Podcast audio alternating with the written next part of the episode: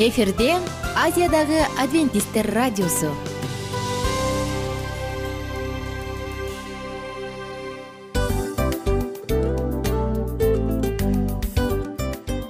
Достор салют. Баардык сүйүктүү угармандарыбызга салам айтабыз. Кутман күнүңүздөр менен. Ден соолук өмүрдүн булагы демекчи саламат саамы программасында баарыңыздарды көргөнүбүзгө абдан кубанычтабыз. Анда алгач амандашып өтөлү арбаңыздар деп. Ден соолугуңуздар кандай элибизде көбүнчө ден соолук кандай дегенде эле жакшы деп жооп беребиз э? ооруп турсак дагы жакшы дейбиз. Анан мен муну айтып ойлойт элем бул абдан сонун сөз депчи. Анткени бул жакшы деген үмүт да э ооба. баары жакшы болот. Баары сонун. Деп үмүттөнүп атып эле өзүбүздү өзүбүз дарылап коебуз. Анысы кандай? Сиздин дагы ден соолугуңуз жакшы беш деген үмүттөбүз чындыгында ден соолук бул өмүрдүн булагы деп бекеринен айтылган эмес деп ойлойм. Кыргыз элинде. Анткени эгерде ден соолук жок болсо анда адамдын жашоосунда калган баардык керектүү маңыздуу нерселер өзүнүн баалуулугун жоготуп коет. Ошондуктан ден соолук бул эң керектүү нерсе. Ооба туура айтасың кесиптешим. Чынында ден соолугуң жок бир эки үч күн ооруп калсаң эле э кандай болуп калат? Жашоодо көз каранды болуп каласың көп нерсеге жетишпей каласың көп нерсени кыла албай каласың жада калса эчке дүкөнгө да чыга албай каласың. Туп туура анан ден соолук болсо демек биз биздин бактыбыз тоотой деп койсок болот. Анда достор саламат саамы рубрикабызды баштайлы. Алдыда өзүңүзгө керектүү болгон сонун кеңештерди уга аласыздар. Мына ошондуктан биз менен бирге болуңуздар. Ал эми биз болсо милан жана айнура. Кеттик алга. Алга саламат саама ден соолуктун жарчысы. Саламат саама ден соолуктун ачкычы. Күн сайын сиз үчүн мыкты кеңештер сонун жаңылыктар кызыктуу фактылар. Биздин рубрикада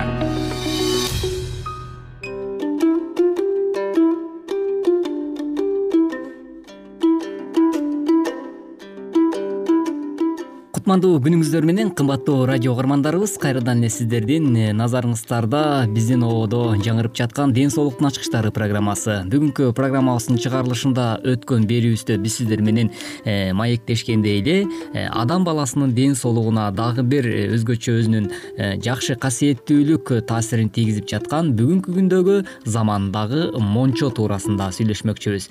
Тактап айтканда бүгүнкү программабыздын темасы мончонун пайдасы туурасында болмокчу андыктан биздин толкундан алыстабай биз менен бирге кала бериңиздер. Мончону ден соолукту чыңдоочу жай десек жаңылышпайбыз.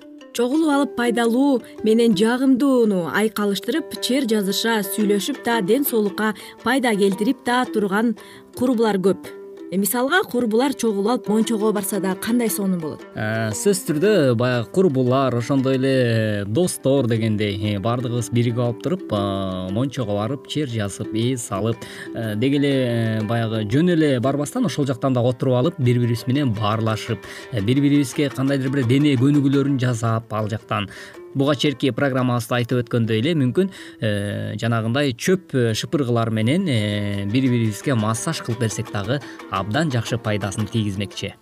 Туура мончо зат алмашууну активдештирет жана иммунитетти да көтөрөт экен ошондой эле косметологдор бир жолку мончо процедурасы он косметикалык каражатты алмаштыра алат деп эсептешет экен бирок мончонун пайдасы муну менен бүтпөйт экен. Мисалга мончо теринин тешиктерин ачат экен теринин тешиктери аркылуу белгилүү бир сандагы кычкылтек биздин организмибизге кирет. Мончодогу жогорку температуранын таасиринен терибиздин тешикчелери ачылат андан тер менен кошо организмибиздеги шлактар чыгып кетет мына ушул үчүн мончодон чыккандан соң биз көпчүлүгүбүз эле жеңилдикти сезет эмеспизби. Ооба сөзсүз түрдө э, ар бирибиз эле жашоодо колдонуп жүргөндөй эле жана ар бирибиздин жашообузда бул болуп жаткан э, табигый көрүнүш десек да болот болуш керек. Менимче баягы сөзсүз түрдө адам баласы мончого түшүп чыккан соң э, бир жеңилдикти сезет эмеспи. Мунун натыйжасы дагы бир жакшы ыкмасы адамдын организминдеги кээ бир ашыкча тустардан арылууга дагы жардамын берет экен башкача айтканда муун ооруларын дарылайт экен. Ревматизмди радикулитти остеохондрозду жылуулук менен дарылары баарыбызга белгилүү. Демек мончо бел муун ооруларынын ийгиликтүү дарылайт деп айтат эмеспизби сөзсүз түрдө мончо менен дарылануу эзелтеден эле байыртадан башкача айтканда буну баягы медицина катары дагы балким колдонуп келишсе керек. Андыктан бүгүнкү күнгө чейин ушул мончонун активдүүлүгү өзүнүн таасирдүүлүгүн жоготпой келүүдө десек дагы эч убакта жаңылышпайбыз жана мончо бул денени өлгөн клеткалардан тазалайт экен. Суткасына тери клеткаларын жыйырма проценти өлүп турат экен. Ордуна жаңылары пайда болот. Мына ошол өлгөн клеткаларды алып салуу зарыл. Мончо булардын эң сонун каражат экен. Биздин эски клеткаларыбызды жаңылап туруш үчүн мурунку эски клеткалар жаңыланып туруш үчүн жогоруда кесиптешим айтып өткөндөй эле бул мончонун пайдасы өтө зор. Жана ошол эле учурда касиеттүүлүгү ушунчалык биздин ден соолугубузга жана саламаттыгыбызга түздөн түз өзүнүн жакшы натыйжасын берет экендигин бүгүнкү күндөгү медицина дагы тастыктаган экен. Мончодо бууланган дененин өлгөн клеткалары чыгып тери жумшарып серпилгич жаш болуп калат эгер денебизге бал сүйкөсөк анда териңиз андан бетер жагымдуу болуп калат экен.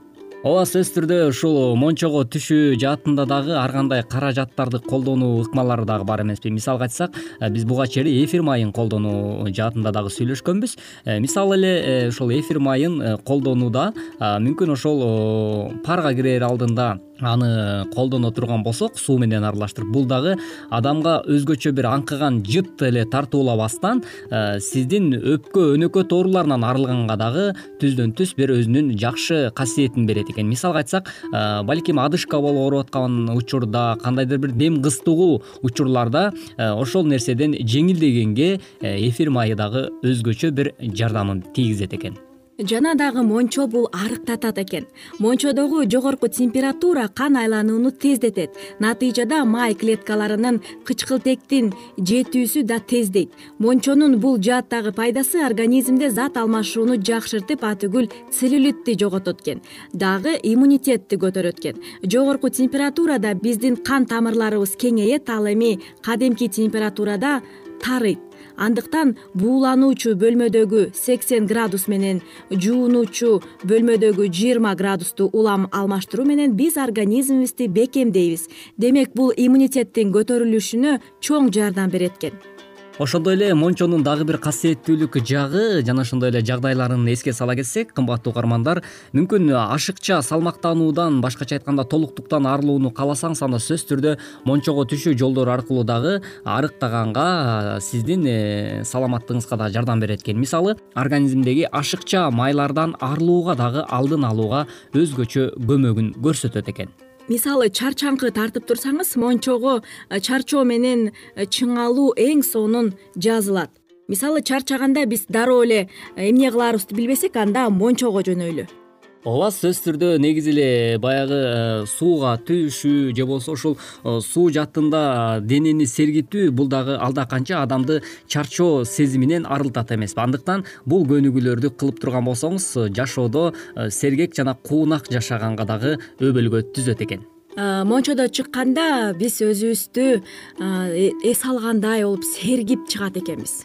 Ооба сөзсүз түрдө мончонун дагы бир касиеттүүлүгү кесиптешим мисалы кээ бир адамдар э, кандайдыр бир стресстерге кабылган учурда дагы мончого барып түшүп анан ошол жактан стресстен арылганга бир э, жардам издегенге дагы аракет кылышат экен. Айрымдары э, ушул ыкмаларды колдонуу аркылуу стресстен чыгуу жолдоруна дагы туш болгон экен да. Мисалга алсак кээ бир ишкер адамдар ушу көбүнчө баягы бизнес жаатында ар кандай көйгөйлөр болгон учурда сөзсүз түрдө мончого башкача айтканда ушул денени сергите турчу ушун ушундай ыкмаларды колдонуу аркылуу кандайдыр бир көйгөйлөрдүн чечкенге алдын алууга жардам берет деп э, кеңештерин дагы берип келишет экен. Албетте мончодон ачуулуу э, бир нерсеге нааразы болуп же жаман маанай менен чыккан адамды кездештирүүгө мүмкүн эмес. Мончонун адам баласынын ден соолугуна тийгизген пайдасы туурасындагы э, маегибизге орток болдуңуздар. Кийинки берүүдөн баардыгыңыздарга ден соолук каалайбыз. Бизге бөлүнгөн убакыт ушуну менен өз соңуна келип жетти. Сак саламатта болуңуздар. Саламат саама ден соолуктун жарчысы. Саламат саама ден соолуктун ачкычы. Күн сайын сиз үчүн мыкты кеңештер сонун жаңылыктар кызыктуу фактылар биздин рубрикада.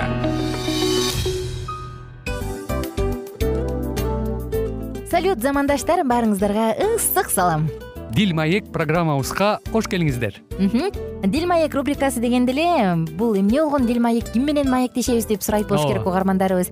Бул рубриканы кыскача тааныштыра кетип турган болсок ар тарап кесип ээлеринен болгон сонун интервью кеңештер бар жылдыздар менен болгон маек бар аталарыбыздын агаларыбыздын чоң аталарыбыздан сонун кеңештер бар ошондой эле эже сиңдилердин кеңештери бар айтор баардык кызыктардын баары алдыда. Негизи эле адам баласы бир кимдир бирөөнө ишенип сырын ачкысы келет эмеспи э мындай баарлашууга жакын келебиз го? Албетте. Негизи бир жерге отуруп алып кенен шашпай баягы жүрөктөн жүрөккө ачып сырларыбызды ар кандай көйгөйлөрүбүз менен бөлүшүп баягы чын жүрөктөн маек курганды кимибиз сүйбөйбүз э? Ооба десең ал нерсеге суусап да келебиз да? Ооба кээ бирде адамга чындыгында баягы э, ысык маек баягы жылуу маек жетишпейт да. Ошондуктан биз ушул рубриканы ойлоп тапканыбызда эң биринчи эле достор сиздер менен чын жүрөктөн бир маңыздуу темаларды козгоп кеткени э, кааладык. Ошондуктан ушундай сонун бир рубриканы тартуулап жатабыз. Анын үстүнө радио дагы сонун дос да анткени э, мындай учурда досуңа айтсаң досуң досуна айтат досу досуна айтат да анан бүт өлкө билип калышы мүмкүн го. А радио болсо сени сатпаган сенин айыбыңды ачпаган сенин сырыңды эч кимге айтпаган сонун дос ошондуктан биздин алдыдагы айта турган кеңештерибизди биздин досторубуздун кеңештерин угуп анан ал жака пикириңизди дагы калтырып кайрадан биз менен байланышсаңыздар болот. Деги эле жашооңузга эгерде кичине болсо дагы өзгөрүү алып моралдык жактан нравовалык жактан сонун бир кеңештерди алсаңыз демек биз максатыбызга жеттик. Ооба. Чыңгыз атабыз улуу жазуучу э, чыңгыз айтматов айткандай адам болуу бул күнүмдүк процесс экен. Күн сайын адам бойдон калуу бул адамзатка эң эле кыйын дейт э? э эң кыйын дейт. Чындыгында бунун э, негизинде адамдын эң баягы сапаттуулугу адамдын э, адамгерчилиги жана көптөгөн керектүү нерселер. Мына ошол темалар дагы бизде ушул дил маекте биз аларды да козгойбуз. Ден соолук жөнүндө да сүйлөшөбүз. Сөзсүз түрдө. Анан милан мырза негизи айтып коюшат го. Биз көбүнчө эмнени ойлонсок ошол нерсеге карата иш кылабыз го. Ооба. Анан анысы кандай балким бул радио баракчада кимдир бирөөнүн оюн текшергенге жардам берет кимдир бирөөнүн жүрөгүн текшергенге жардам берет. Балким кимдир бирөөгө жашоонун маңызын тапканга жардам берер. Айтор кызыктын баары алдыда бул жөн гана кыскача жарнама анда угармандарыбыздын баардыгын кийинки рубрикабызга чакырабыз. Ал эми кызматта маңдайымда отурган кесиптешим милан жана мен айнура. Анда эмесе биз даярдаган терең терең ойлор менен таанышууга кеттик. Алыс алыс баралык анда эмесе достор биз менен бирге болуңуздар. Алдыда эң кызыктуу маалыматтардын баардыгы бир нече мүнөттөр бою жалгыз гана сизге арналат. Мына ошондуктан жакшы маанай менен угууну каалайбыз. Үн алышканча. Жөнөдүк. Ар түрдүү ардактуу кесип ээлеринен алтын сөздөр жүрөк ачышкан сыр чачышкан сонун маек дил маек рубрикасында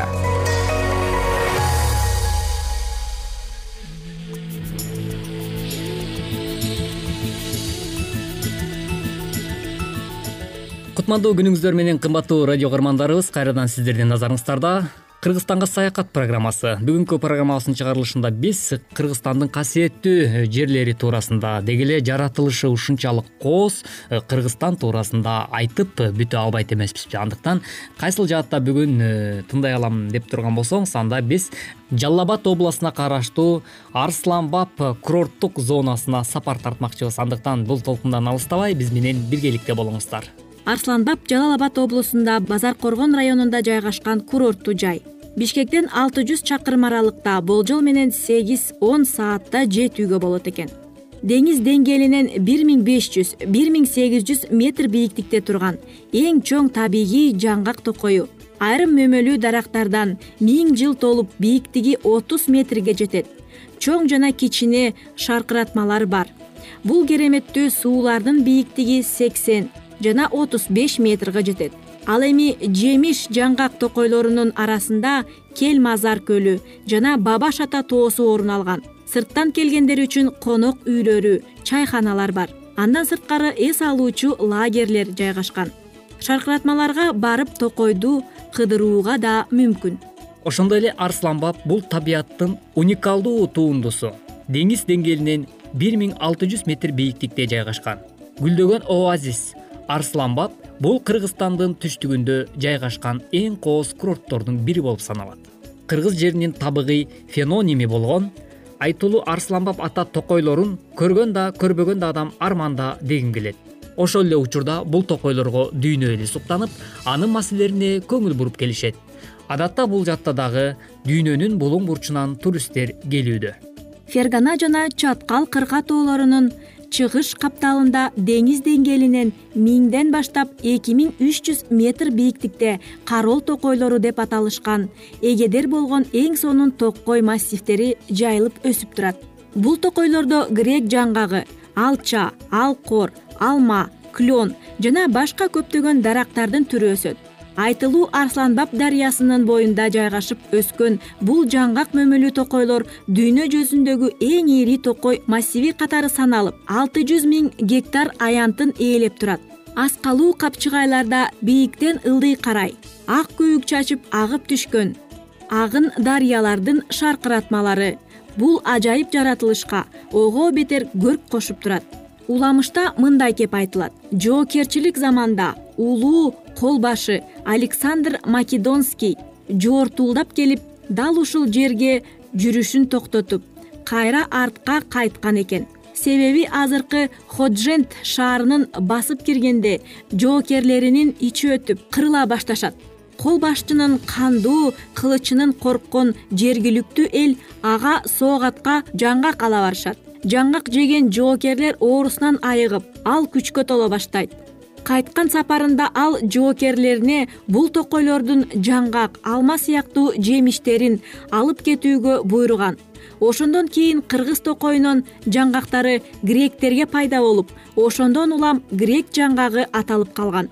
Эми бул ажайып жердин аталышы тарыхы туурасында айталы. Эл оозуна айтылып калган көп уламыштардын бирине мындай деп айтылган байыркы эч кимдин эсинде так калбаган илгери заманда мухаммед пайгамбардын арсланбап аттуу кызматкери болуптур.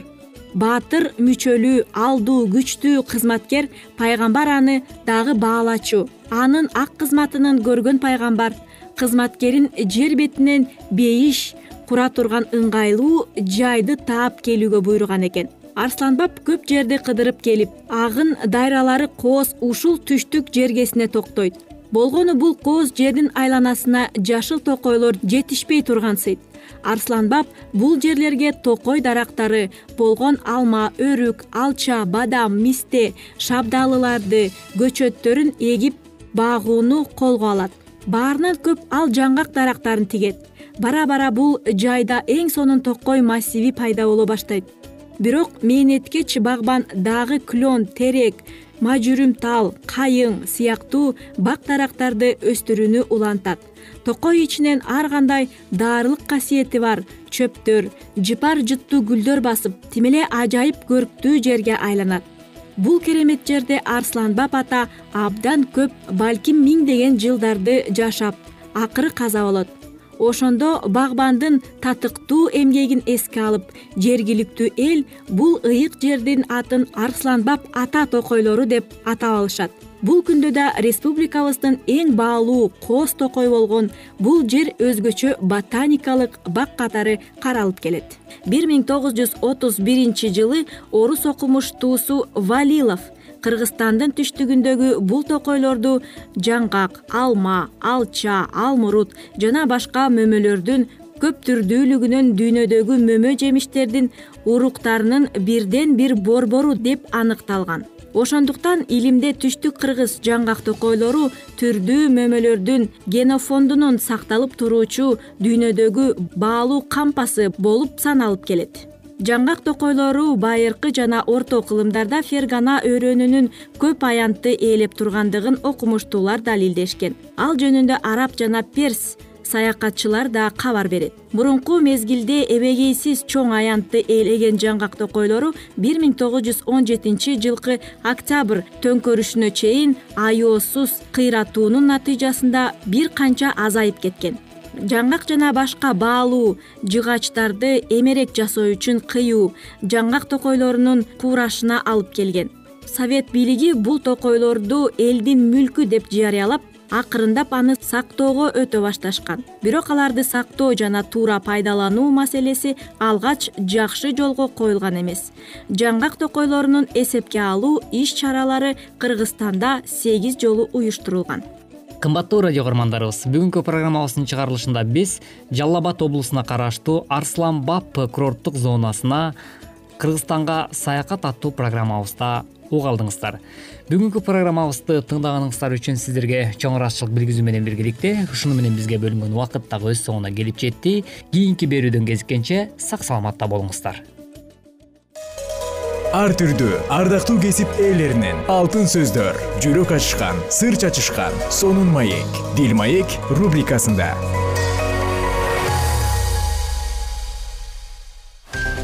Жан дүйнөңдү байыткан жүрөгүңдү азыктанткан жашооңо маңыз тартуулаган жан азык рубрикасы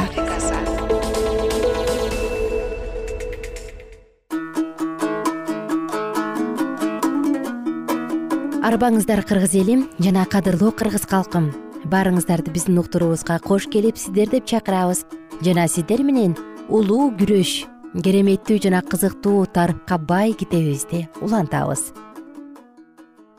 Өздөрүн протестанттык деп эсептеген ар бир жыйында ушундай нерселер болуп жаткан жокпу? Качан алардын негизин курган чыныгы реформанын руху менен жетектелген адамдар дүйнөдөн кайтканда алардын иштерин улантуучулар бардыгын өздөрүнүн көз карашына бурушкан. Өз аталарынын ишенимдерине карманышкандыктан жана бардык чындыктарды кармануудан баш тартышкандыктан реформаторлордун муундары өз момундуктары жана кет башынын кызыкчылыктарын ойлобогондугу жана бул дүйнөдөн баш тарткандыктары менен өз аталарына окшошо алышпады. Ушундайча баштагы тазалык жок болуп кетти. Мамлекеттик агым жыйынга кирип келип өз каада салттарын жөрөлгөлөрүн жана кызыгууларын киргизди. Тилекке каршы. Машаяктын жолдоочуларынын дүйнө менен болгон бул байланышы кудайга карата душмандык болуп азыркы мезгилде бекемделип жатат. Жалпы адамдар аркылуу кабыл алынган жыйындар бүт дүйнө боюнча мукадастагы сылыктыктан өз керт башынын камын көрбөгөндүктөн жөнөкөйлүктөн жана такыбаалыктан алыстап кетишти.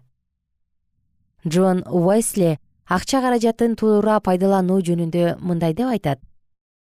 Бир дагы тыйыныңарды көз кумарыңарды кандырыш үчүн кымбат баалуу кийимдерге кереги жок жасалгаларга сарп кылбагыла.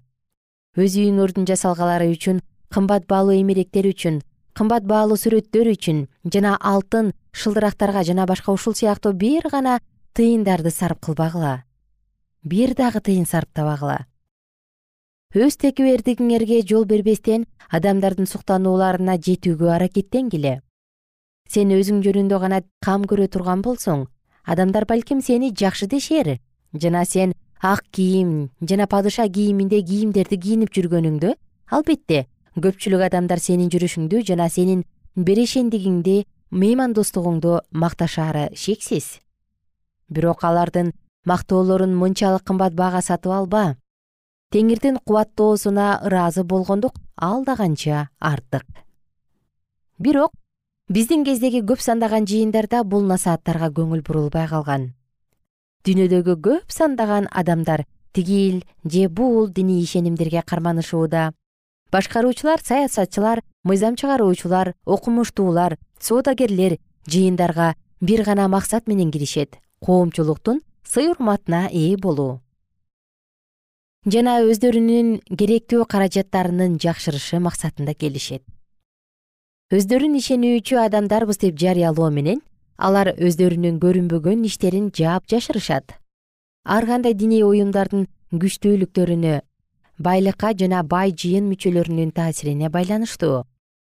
Көп адамдар жүргөн көчөлөрдө өтө чоң кооз ибадатканаларды тургузушат жана кымбат баалуу кийимдерди кийинишкен мода кубалашкан келгиндерге толтурушат. Көпчүлүктү суктандырган өзүнө тарткан дин кызматчыларга көп сандагы каражат төлөшөт жана андан күнөөлөрдү айыптабаган насааттарды күтүшөт. Анын насааттары сылык жана музыканын коштоосу менен болуусун каалашат. Ушундайча кимдин күнөөлөрү белгилүү болгондор жыйындын тизмесине илинишип ал эми алардын жасаган күнөөлөрү адилеттиктин маскасына жашырынышат. Азыркы мезгилдеги христиандардын коомчулукка болгон мамилеси жөнүндө көрүнүктүү бир жазуучу мындай деп жазат. Жыйын билинбегендик менен мезгилдин рухуна баш ийүүгө аргасыз болду. Жана өз кызматтарын азыркы суранычтарга негиздешкен. Жыйын азыркы мезгилдерде динди кызыктыруучу кылуу аракеттери үчүн болгон күчтөрүн жумшоодо. Нью йорктогу independent журналы методисттер жөнүндөгү өздөрүнүн оюн мындайча билдирет.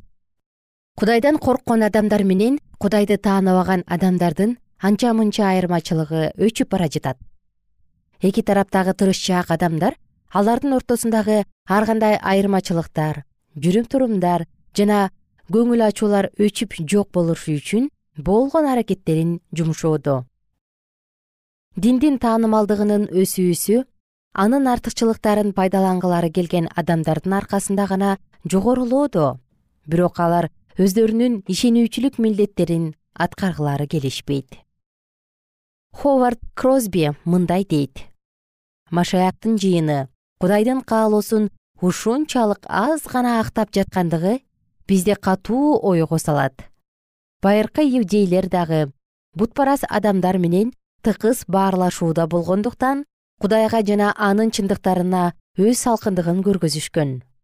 Ошондой эле азыркы мезгилдеги машаяктын жыйыны дагы адилетсиз дүйнөлүк адамдар менен достошууга аракет кылгандыктан такыба өмүрдөгү кудайдын көрсөтмөлөрүн беришип алардын ордуна кудайды тааныбаган коомчулуктун үрп адаттарын кабыл алып жатышат.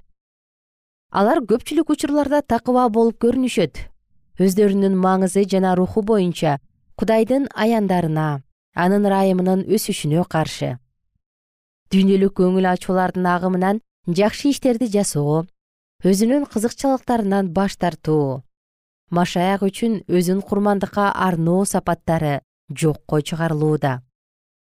Энди болсо качан каражат керек болгондо эч кимди курбан чалууларга чогулта албайсың.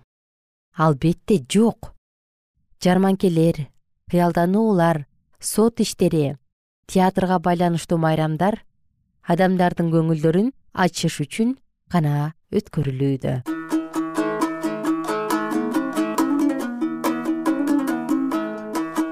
Ардактуу угарманым кымбаттуу досум сиздер менен бүгүн дагы улуу күрөш китебинен бир нече саптарды сонун үзүндү окуп өттүк.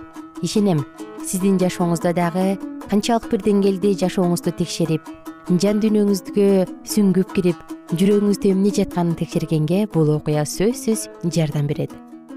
Жаратуучу өзүңдү да менде ойлодуң дейт. Мына ошондуктан келиңиздер. Жаратуучунун ыйык экенин эске салып өзүбүздү дагы ыйыктай берели. Кайрадан кийинки уктуруудан амандашканча сак саламатта калыңыздар. Күнүңүздөр көңүлдүү улансын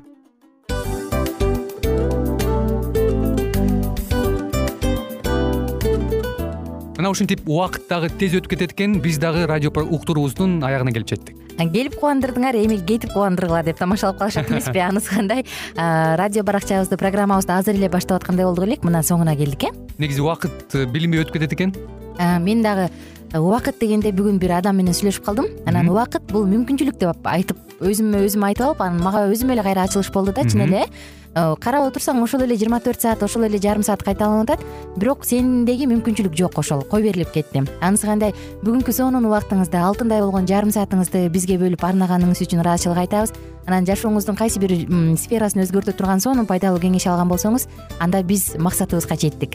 Анан ушул нерсени кылбасам десеңиз ошол өзгөрүүлөрдү кичинекей кадамдардан баштап иш жүзүнө ашырыңыз дагы жашооңузда чоң чоң ийгиликтерге жетиңиздер чын жүрөктөн ар бир берилген кеңештер сөздөр сиздерге пайдасын алып келет деп ишенебиз. Жана кийинки уктурууларда сөзсүз түрдө чыдамсыздык менен сиздерди күтөбүз.